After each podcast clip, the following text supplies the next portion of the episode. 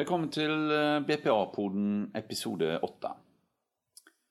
Denne gangen har vi en spesialutgave som handler om et uh, viktig tema som ble tatt opp på Arendalsuka. Her fikk vi høre eh, veldig sterke historier om hvordan Kommune-Norge forskjellsbehandler personer med nedsatt eh, funksjonsevne. Og vi får òg høre om hvordan det er faktisk er sånn at noen blir tvunget til å flytte til en annen kommune. Såkalt BPA-flyktning. Jeg heter Nina Bjørum og leder MIO BPA.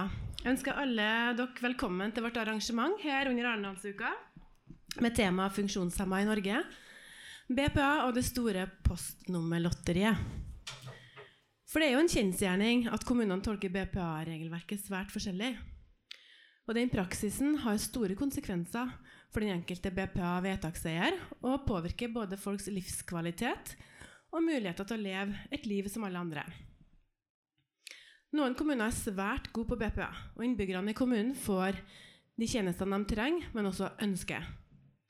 Andre kommuner har en vei å gå.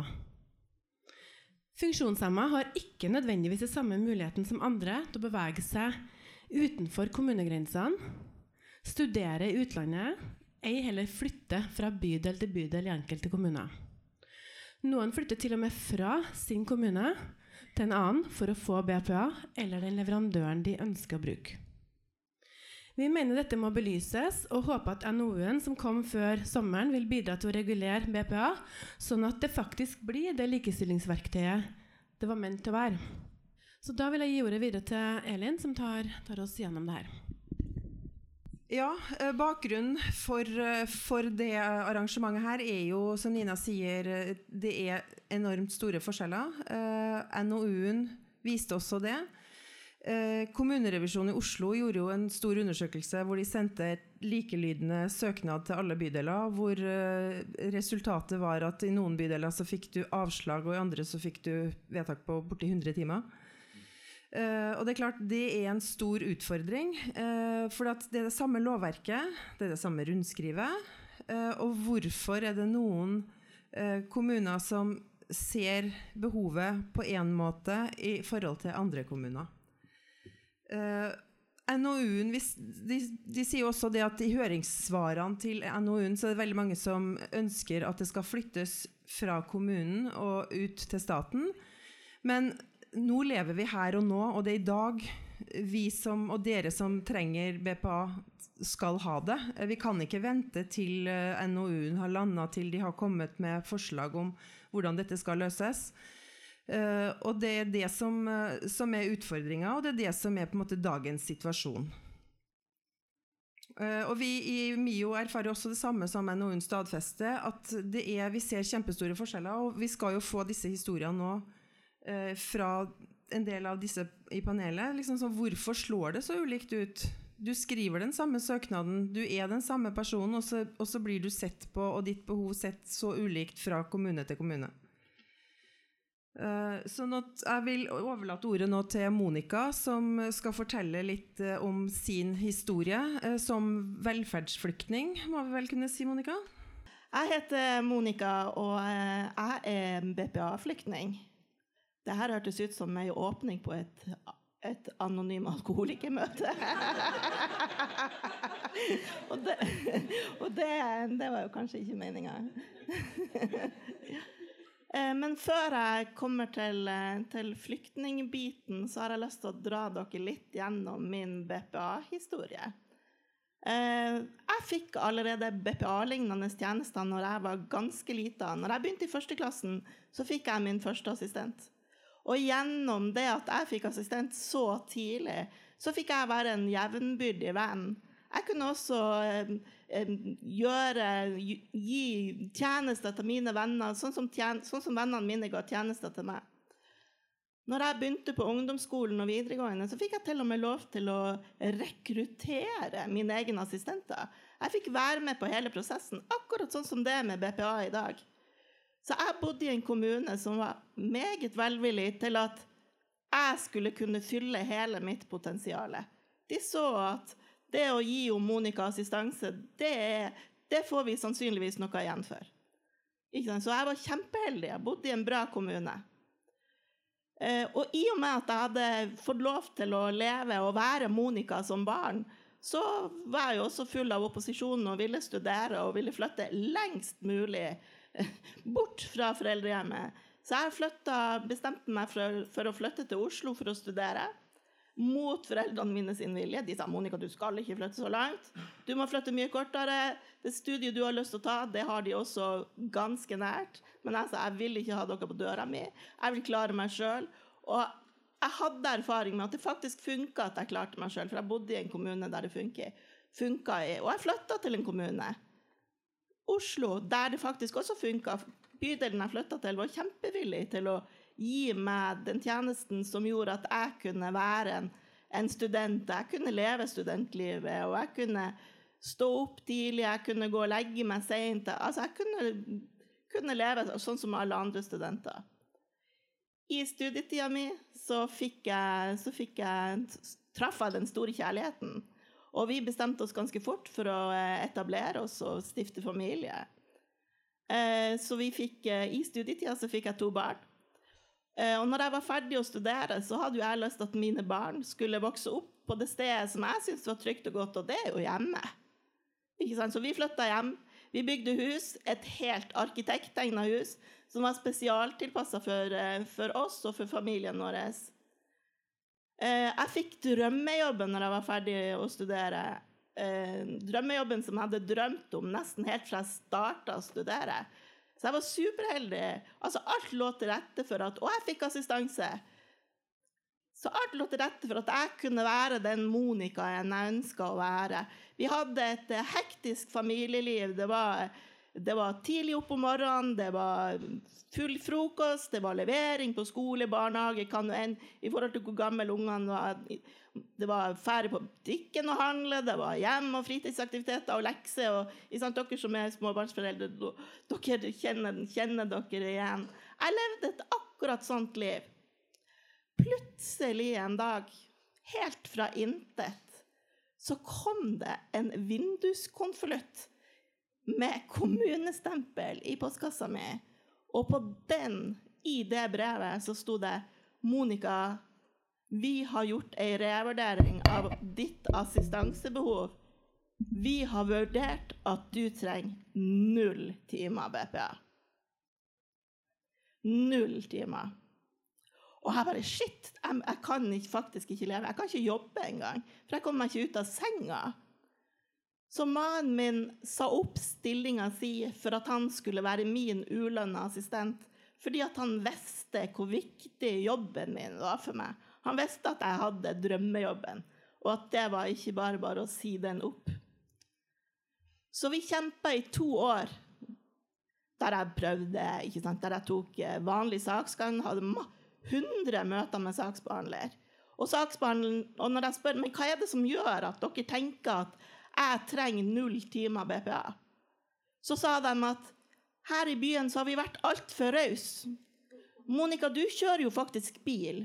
Du, har, du jobber 100% Du har to barn, og vi ser at du er aktiv samfunnsborger. Og det er ikke forenlig med å ha et så stort assistansebehov som det du sier at du har. Og så sier de det er jo akkurat nettopp fordi at jeg har assistenter, at jeg kan leve et sånt liv. Jeg har jo ikke muligheten til å leve det livet uten. Nei da, men de hadde ikke tro på det. De trodde jeg faka. De sa oppi fjeset mitt Monica, vi tror at, vi tror at du feiker assistansebehovet ditt. OK, greit. Så gjør, så gjør jeg det. Så jeg vi kjempa i to år, og jeg gikk til avis, jeg tok advokat, og jeg hadde saken til Sivilombudsmannen og til hele, den gang da fylkesmann, altså hele rekka, og nådde ingen Jeg fikk, eh, På et tidspunkt så, så sa de at OK, vi, vi, faktisk ser at du har et assistansebehov. Eh, kan få, vi kan gi deg et tilbud om plass på sykehjemmet. Og så sier jeg men kjempefint! Det takker jeg selvfølgelig ja til, under forutsetning av at vi kan bo der hele familien. Vi har hund, katt og kaniner, og de må vi ha med. Vi har trampoline som er et must for ungene mine, og den må stå i hagen. Så under forutsetning av det, så kan vi Og da får vi jo leieinntekter på huset vårt. Så det er jo bare helt gull. Det er jo vinn-vinn for alle. Men det, fikk, det, var jo, det sa de jo selvfølgelig. Det er bare du som skal bo der, sa de. og det sa jeg nei. Nei takk. Nei takk til. Så da bestemte vi Etter to års kamp, og vi kom ingen vei Da hadde jeg slitt ut hele familien og hele nettverket, og alle måtte gi meg assistanse ulønna. Det funka jo ikke. Så da fant vi ut at faktisk må vi, eh, vi må flytte. Vi må, en, eh, vi må bo i en annen kommune. Men før en funkis, en person med assistansebehov, kan flytte, så må man jo gjøre research. Det er jo ikke bare å flytte for hvem som helst. Så jeg måtte ringte rundt til uendelig mange kommuner for å høre hvordan praktiserer dere BPA i denne kommunen. Og jeg fikk uendelig mange nedslående resultater. Men så fant jeg da en, en kommune, og, og, vi valgte å flytte til den kommunen. Eh, og, og, leverte søknaden, og jeg fikk dobbelt så mange timer som jeg søkte på. Fordi de sa at Monica, du er jo helt ny i denne kommunen. Det å gi deg et så lavt timetall som det du søker på, det er faktisk uforsvarlig. For når du er ny, så trenger du også mye mer tid til å danne nye nettverk. Så det var jo helt fantastisk. Og så valgte jeg å flytte fra den kommunen også, og flytta til en ny kommune som ikke er så bra. Men eh, Så det var min historie, da, om å være BPA-flyktning. Merete er mammaen til Joakim og arbeidsleder til Joakim. Eh, historien vår begynte når Joakim var BPA-historien begynte når han var 10-11 år. Da begynte vi å tenke på BPA og snakket med Haugesund kommune. Um, det tok oss to år å få BPA i Haugesund, og det var Haugesund er god på BPA, men det var vanskelig da. Uh, og uh, vi hadde hatt BPA en liten stund. Her kommer det ironiske, da. Endelig så kunne Joakim gå ut på ettermiddagene. Han kunne gå og trene. Han gikk på elbendy. Han dro på teltturer. Og søsknene fikk oppmerksomhet, og jeg kunne bare gå meg en tur. Helt for meg sjøl, plutselig. Så det var, det var en ny, ny, tilværelse, og så utrolig verdt kampen om å få BPA. Men så skulle Joakim på ungdomsskole. Eh, og da fikk vi et problem i Haugesund. For eh, vi fant ikke en skole som passet han. Så det vi gjorde da, var å leite litt videre utover, og vi fant da en skole i Bergen. Og dette er jo litt ironisk, for jeg eh, tok kontakt veldig tidlig med Bergen kommune og begynte søknadsprosessen. Um, første møte med Bergen kommune det hadde jeg på 1. april. Da var søknaden inne for en stund siden. Uh, vi skulle flytte på sommeren. Og da sier de i første møte ser de på meg altså, sier de, denne eh, diagnosepakken han har, for han har mange diagnoser, det får dere ikke BPA på. Um, og så svarte jeg OK, men det skal vi bli enige om. Og så sier de Men eh, 50% avlastningsbolig i året, det skal du få. Uten å ha møtt han, men ut ifra diagnosen. Um, nå er det sånn at våre gutt ikke skal bo et annet sted enn hjemme. Um, og vi hadde mange samtaler, meg og saksbehandleren. Saksbehandleren var egentlig litt på min side, men hun fikk ikke med seg sine sjefer. Uh, og hun ringte og ringte og ringte og prøvde liksom altså, Hva skjer hvis vi gjør sånn? Hvordan Og til syvende og sist så måtte jeg bare si det at det, jeg vet hva konsekvensene blir hvis jeg putter sønnen min på et hjem. Og da fraskriver jeg meg alt ansvar. Da er det deres ansvar når katastrofen skjer, og dere står igjen med det ansvaret alene. Ikke meg. Så om eh, sånn cirka ut i Da begynte kanskje august. Da fikk vi telefon om at hun hadde klart å få vedtak til oss. Men da hadde de mer enn halvert timene. Så resultatet var det at fra å ha en gutt som kunne være ute hver ettermiddag, gå på aktiviteter, begynte å blomstre og få mestring, så hadde han to dager i ukedagene han kunne gå ut. Resten av uken så isolerte han seg. Det var mye tunge tanker. Det var mye Han går litt inn i en boble, og han var mye inni den boblen da. Um, så det å flytte til Bergen for å gå på skole, det hadde jo Det var, det var både bra og ikke så bra. Um, men nå er han ferdig på nei, ungdomsskolen. Og da tok vi en runde med han. Hvor vil han videre? Hvor vil du gå på eh, videregående skole? Vi følger sønnen vår veldig for at han skal ha livsglede. Um, han fikk velge. Vi besøkte skoler både i Bergen og i Haugesund, på Haugalandet. Tysvær. Eh, og han bestemte seg for å gå på en skole som heter Tveit, som ligger i Tysvær kommune. Det er en jordbruksskole, så den passer han veldig godt. For der er det dyr og litt sånne ting så han syns er kjekt. Eh, og da solgte vi huset og kjøpt, skulle kjøpe nytt hus igjen. Og Haugalandet, for de som er kjent, vi vet at det er ca. fire kommuner der. Uh, det er Sveio, det er Haugesund, Karmøy og Tysvær. Og vi hadde ganske lyst til å reise, flytte til Tysvær kommune, der skolen til Joakim var, sånn at han ikke skulle få så lang reisevei. Det kunne vi ikke gjøre. Tysvær gir ikke BPA. Sveio, masse flotte steder i Sveio. Kan ikke kjøpe hus i Sveio. Og Karmøy, det var for langt unna skolen. Så da ble det én reisetime hver vei til Joakim fra Haugesund. Men Haugesund kom, kom, i møte med de, og så sier jeg dette trenger vi av vedtak, dette trenger jeg timer, da klarer vi oss fint. Og det fikk vi nesten på dagen. Så Haugesund kommune, de fortjener applaus. Ja.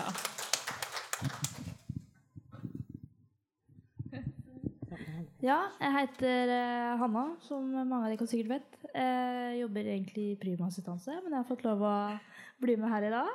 Veldig koselig. Um, så ja, min uh, BPA-reise den er lang og kronglete. Uh, ennå ikke ferdig, men jeg kan prøve å ta dere med fra start til, til nå, da, i hvert fall. Um, jeg var i en rideulykke som 14-åring. Um, og blei da lam og havna i rullestol. Og assistent, assistansebehovet mitt blei veldig stort over natta. Um, så da begynte vi jo prosessen veldig tidlig når jeg var på sykehus og søkte kommunen og var villig til å prøve ut hjemmesykepleie. Eh, for meg var jo helt nye gamer. Vi visste jo ikke hva BPA var egentlig, da. Eh, så vi eh, tester ut hjemmesykepleie og finner ut veldig fort at det er en tjeneste som en 14-åring ikke kan ha må være hjemme hele dagen, skal gå på do da og da, kan legge seg da, kan stå opp da. Ja, veldig uverdig, da, vil jeg si. Uh, og akkurat den uh, kommunen jeg bor i, som da er Gjerstad, de har en tendens til å legge fram ting på en måte som gjør at du er kjempeheldig. Du får lov til å stå opp klokka åtte og legge deg klokka elleve. Så det er liksom uh, der vi begynte da. Og som 14-åring så er det veldig greit, det å hjemmesykepleie på natt. Men når du bikker uh, 15, 16, 17, 18 år og skal ut og feste og gå på skole og ja, gjøre alt du har lyst til, da. Ikke sitte hjemme hele tida, så blir dette et uh, veldig stort problem.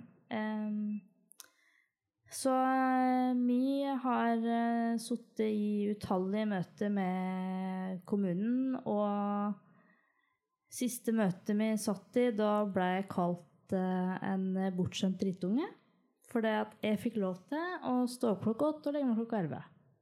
Det er jo helt supert, det hvis du har lyst til det. eh, og da bestemte vi oss for at eh, dette her funker ikke, så enten så må vi flytte, eller så må vi begynne på nytt.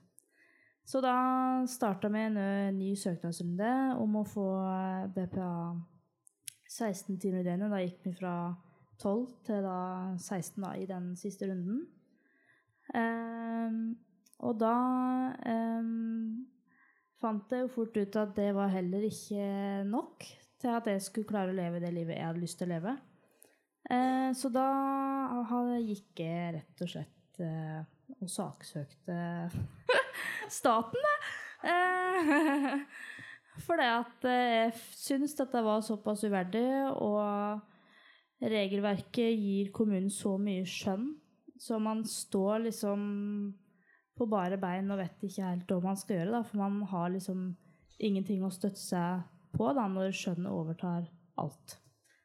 Så jeg var i rettssak mot eh, staten, og den rettssaken, den tapte jeg jo, men eh, jeg syns jo at eh, man har åpna mange dører etter det, og mange har fått opp øynene veldig for eh, at BPA er et likestillingsverktøy, og det er ikke eh, nødvendigvis helse innad i alle tjenester. Da. Selv om man f.eks. trenger hjelp til å dusje, så er ikke det nødvendigvis en helsetjeneste. Da. Så det har vært en lang og kronglete kamp. Eh, det, nå er det jo to og et halvt år siden rettssak. Jeg har eh, ikke orka sjøl å begynne på noen ny søknadsrunde sånn som det er nå. Eh, men jeg har eh, blitt en person som eh, er blitt veldig flink til å spare på timer. Så da blir man eh, flink til å være uten assistent noen timer, selv om det egentlig ikke er optimalt. Men eh, man må jo gjøre det beste ut av situasjonen, selv om det er som det, da. Eh, så spare på timer der man kan, og så tar man opp igjen kampen når man orker. Uh, og jeg forstår veldig godt alle som sitter her og utad, som syns den kampen er veldig tung å ta. Da. Det er jo slitsomt, og man blir jo helt utmatta bare for å kunne få den hjelpa man trenger, og det er jo helt ja, absurd, da. Så, men i dag så er ståa egentlig det samme. Jeg har 16 timer i døgnet, og det går. Men eh, skulle gjerne hatt flere timer da, til å kunne leve akkurat det livet jeg har lyst til. Da. Så ja, det er litt min historie, egentlig.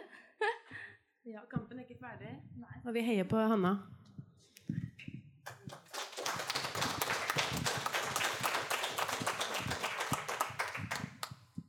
Geir, nå har vi hørt noen eh, historier.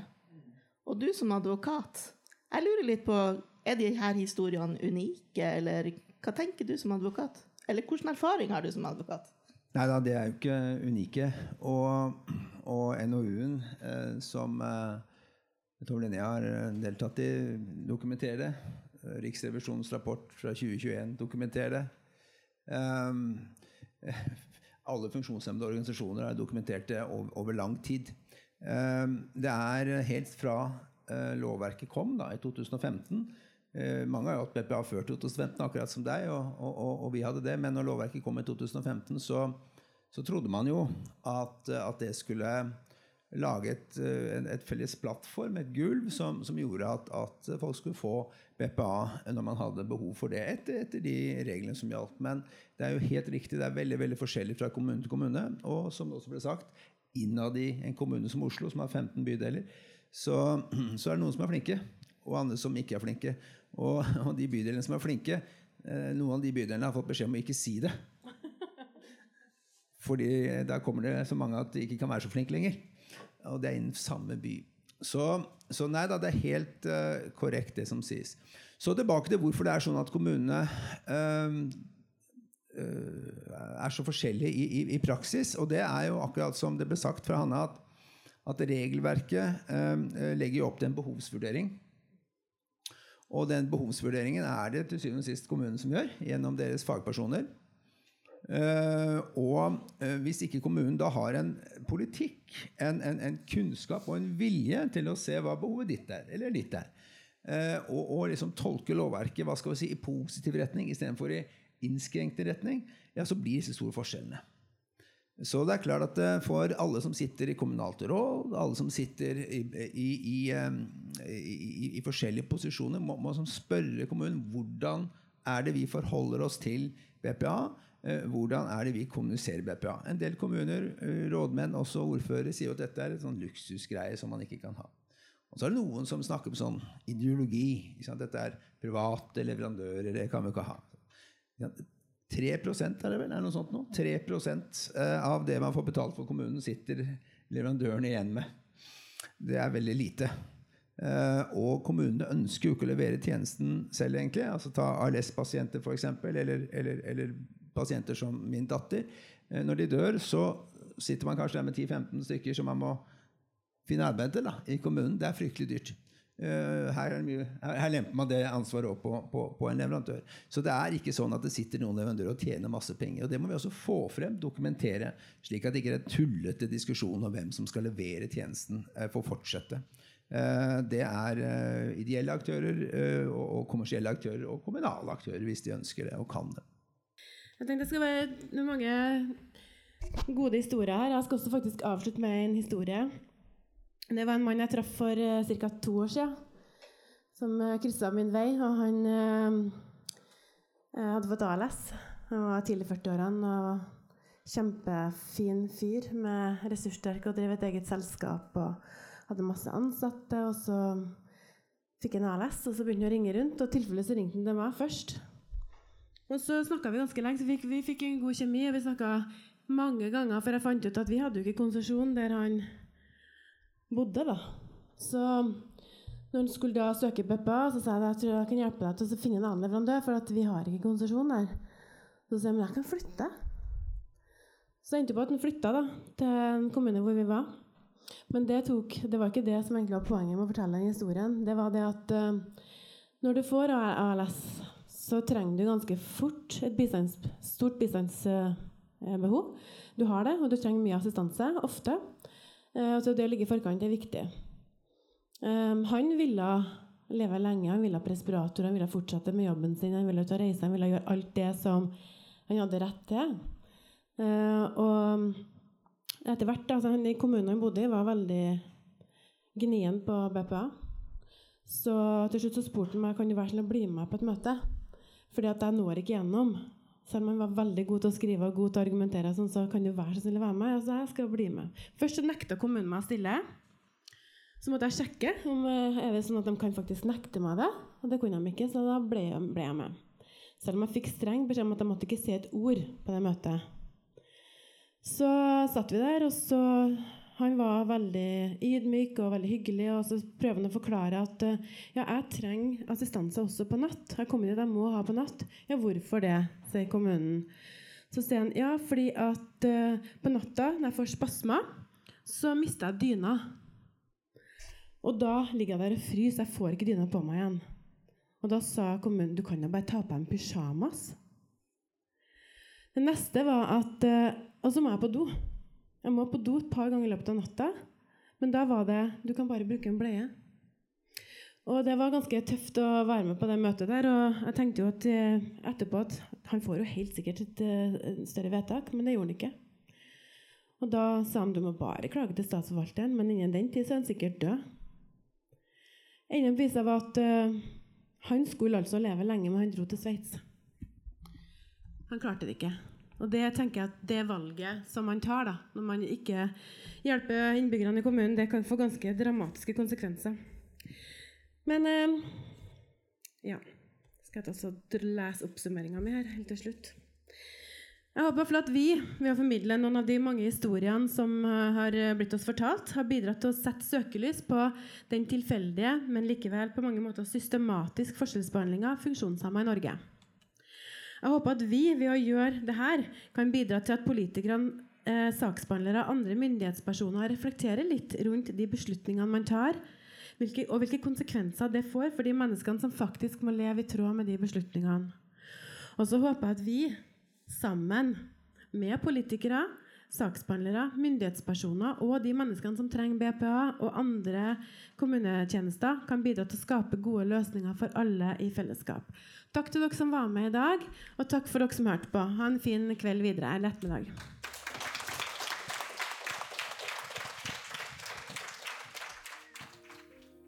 BPA trenger ikke være vanskelig. Vil du vite mer? Besøk oss gjerne på miobpa.no.